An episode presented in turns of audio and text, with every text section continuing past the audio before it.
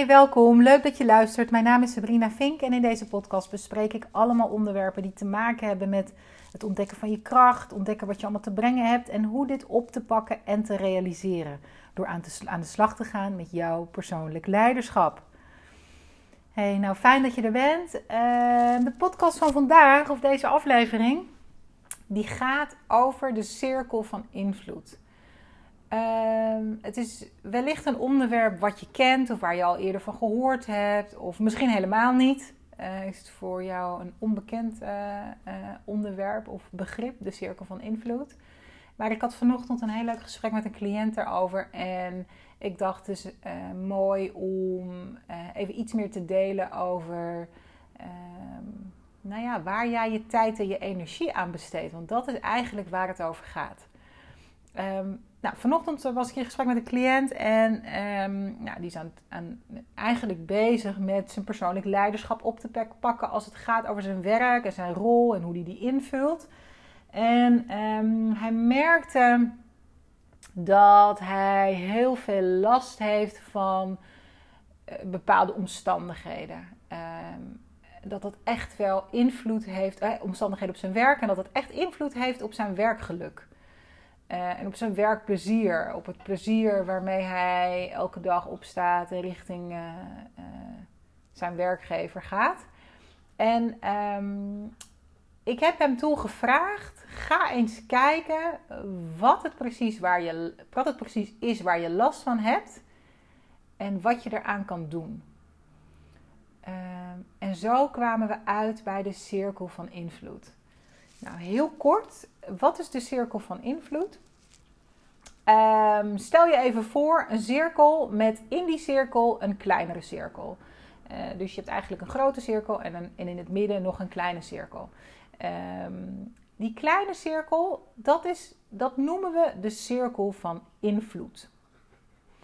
En die grote cirkel eromheen, dat is de cirkel van betrokkenheid. En hoe werkt dit principe?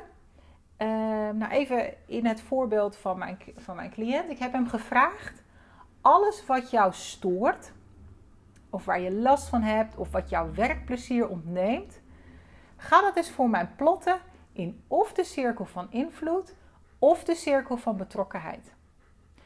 En daarbij is het grote verschil dat de cirkel van invloed zijn uh, situaties, omstandigheden of dingen waar je last van hebt, waar jij invloed op kan uitoefenen door bepaalde acties op te pakken, door dingen aan te kaarten, door nou ja, iets te veranderen.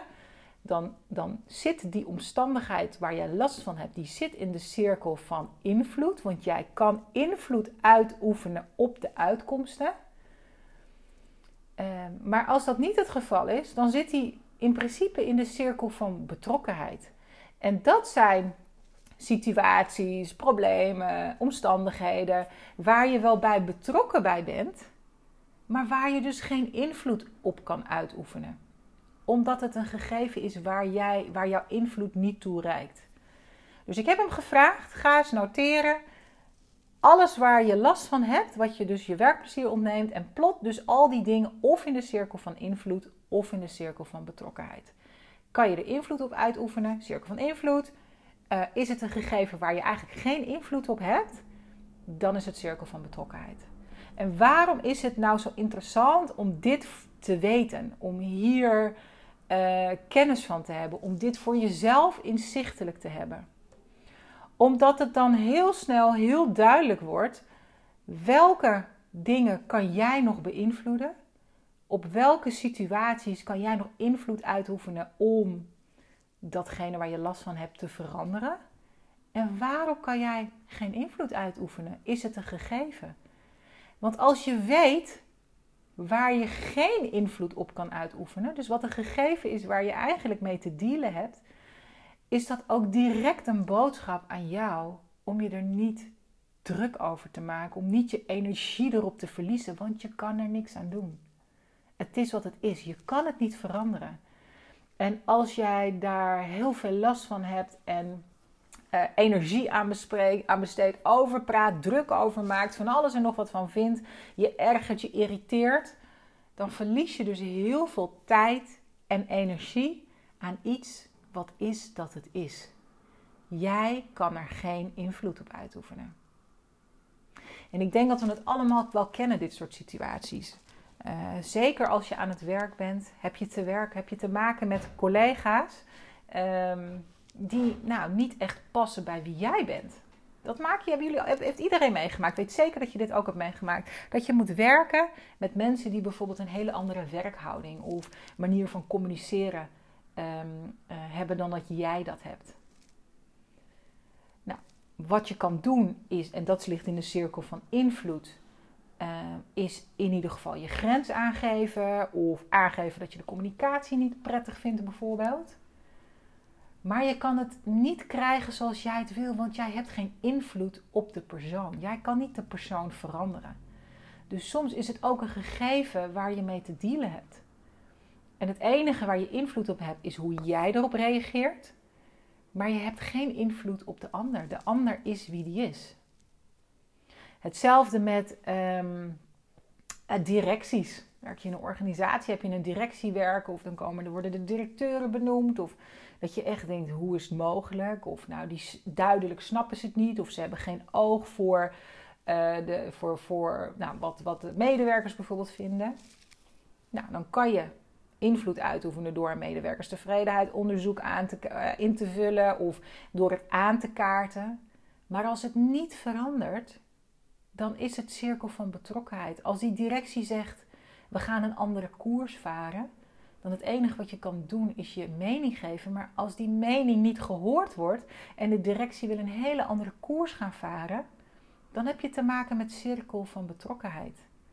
Daar heb je geen invloed op. Dus het heeft ook weinig zin om je er heel erg druk over te maken, om daar heel veel negatieve emoties en gevoelens bij te hebben, want je kunt het niet beïnvloeden. Dus um, die oefening, deze opdracht, maakte eigenlijk heel snel duidelijk bij mijn cliënt: wait a minute. Ik maak me gewoon heel veel druk over dingen die in mijn cirkel van omstandigheden liggen. Ik merk dat ik heel veel werkplezier verlies doordat ik me eigenlijk druk maak over dingen waar ik dus geen invloed op heb. En dit is wat je dus wil weten. Um, en sommige dingen zal hij moeten loslaten. Het is wat het is. Dus je hebt daarmee te dealen. Ehm, het gaat niet veranderen. Het interessante was wel dat in het gesprek we uiteindelijk ook uitkwamen bij: hé, maar wacht eventjes. Als er zoveel omstandigheden zijn die jouw werkplezier ontnemen, waar jij geen invloed op hebt, zit je dan wel op de juiste plek? Ga jij hier überhaupt ooit werkplezier vinden of werkplezier ervaren? Want je hebt geen invloed op die omstandigheden. Dus dat is waar we ook over gesproken hebben. Je hebt geen invloed op de omstandigheden, maar jij hebt altijd invloed op jezelf. Je hebt altijd invloed op hoe jij reageert of hoe jij ermee omgaat of wat jij wil. Dus daar hebben we ook gesproken.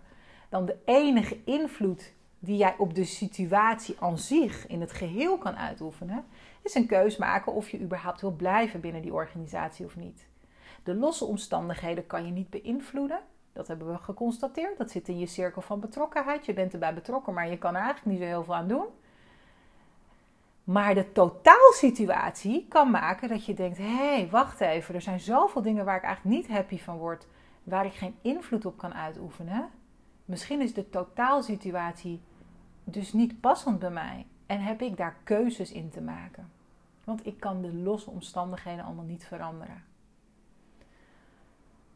Tegelijkertijd hebben we in het gesprek ook geconstateerd dat er voldoende aanknopingspunten ook zaten. Uh, waar hij wel invloed uit kon oefenen. En daar hebben we over gesproken. Oh, maar welke actie kan ik dan nemen op die punten? Hoe kan ik dus regie pakken? Hoe kan ik Um, daar eigenlijk het leiderschap voor mezelf in pakken en daar de totale verantwoordelijkheid nemen om die uitkomst te veranderen.